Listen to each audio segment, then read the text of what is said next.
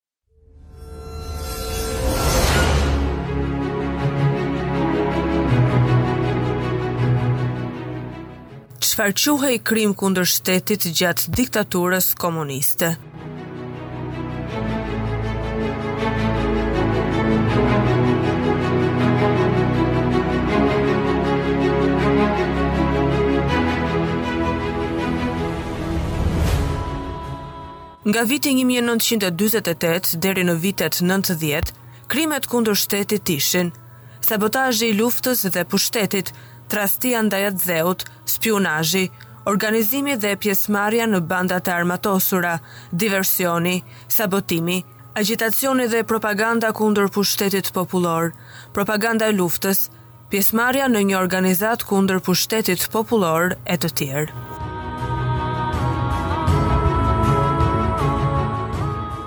Arrestimet politike gjatë diktaturës komuniste. Deri në daljen e platformës së parë të organeve të punëve të brendshme pra në vitet 1944-1948, të akuzuarit për krime kundër shtetit janë arrestuar nga organet e ushtrisë, dhe ato të sigurimit të shtetit. Gjithë klasa e vjetër politike, e përcaktuar si armike e popullit apo si kolaboracioniste, u dënua në vitet e para. Më pas, qysh prej vitit 1948, filloi të veprojë një teknikë e sofistikuar që vendoste arrestimet. Krimet kundër shtetit ishin sabotazhi i luftës dhe pushtetit, tradhtia ndaj atdheut, spiunazhi, diversioni, sabotimi, agjitacioni dhe propaganda kundër pushtetit popullor, pjesëmarrja në një organizatë kundër pushtetit popullor e të tjerë. Mënyra se si bëheshin arrestimet u vendos në platformën e parë të organeve të punëve të brendshme në vitin 1948, sipas së cilës arrestimet politike i organizonte sigurimi, përveç atyre të kushteve të flagrancës, dhe ato ordinere policia.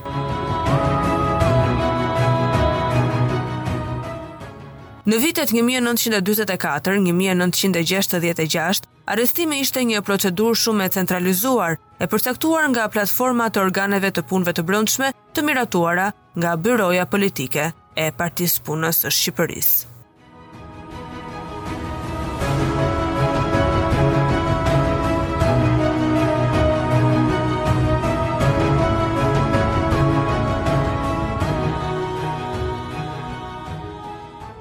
Arrestimet në vitet 1948-1966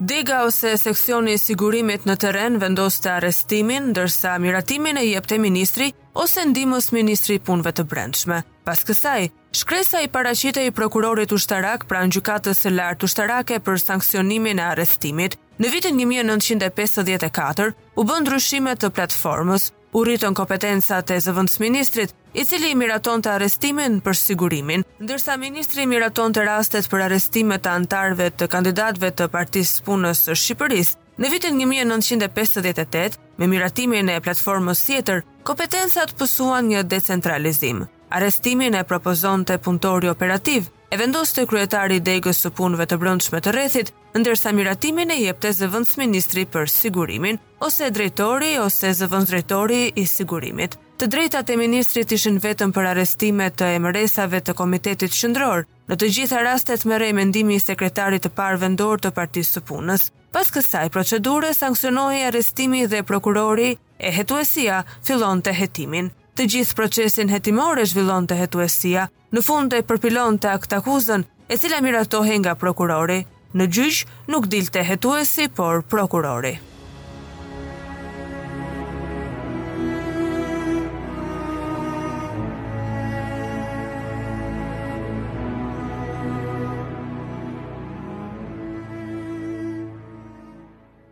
Arrestimet në vitet 1966-1990 Në platformën e organeve të punëve të brendshme të vitit 1966 dhe ato të viteve 1977 dhe 1985 nuk u përfshinë më detaje mbi mënyrën e arrestimit. Ajo rregullohej me akte të tjera të sigurimit dhe hetuesisë. Prej vitit 1966, ministri nuk vendoste për asnjë lloj arrestimi. Praktikat përkatëse niseshin nga punëtori operativ, miratoheshin nga kryetari ose zëvendëskryetari i degës së punëve të brendshme, nga dega përkatëse e sigurimit në qendër dhe pastaj kalonte nëpërmjet hetuesisë. Në rrethe, sekretarët e parë vendorë diskutonin mbi arrestimet dhe jepnin opinionin e tyre.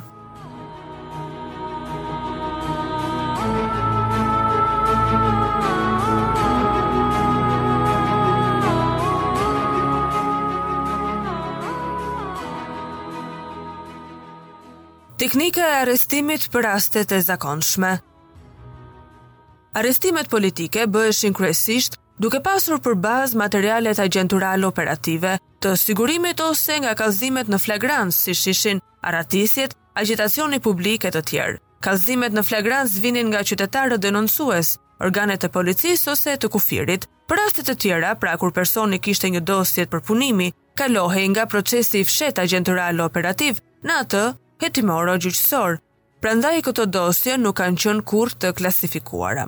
Niste bashkëpunimi midis punëtorit operativ, që ndiqte dosjen dhe hetuesit që do hapte procedurat ligjore të arrestimit. Elementë operativë që lidhen me raporte të bashkëpunëtorëve ose incizime me teknikë operative nuk përdoreshin për proceset hetimore gjyqësore. Asnjë proces i tillë nuk ka administruar ndonjë provë të dalë nga teknikat operative me incizim, materialet e të cilave janë asgjësuar me kohë. Pra, asnjë dosje hetimore gjyqësore nuk ka brenda saj materiale zanore të nxjerra nga incizimet. Praktikat shkresore midis punëtorit operativ të sigurimit dhe ato të hetuesit nuk administroheshin në dosjen formulare dhe as në atë hetimore gjyqësore, duke humbur kështu hallkën më të rëndësishme dokumentare të një praktike shkresore. Ekzekutimi i vendimit të gjykatës për dënimet me vdekje bëhej nga policia dhe jo nga sigurimi. Të pranishëm ishin prokurori, hetuesi, mjeku dhe policët, të cilët kryenin ekzekutimin. Me përjashtim të dy rasteve të Tuk Jakova dhe Mehmet Shehu, asnjë dosje formulare nuk ka skema varrimi. Bashkëlidhur një praktikë arrestimi sipas modelit që ka ekzistuar në vitet një mijë e nëntëqind e dyzet e tetë, një mijë e nëntëqind e pesëdhjetë e katër.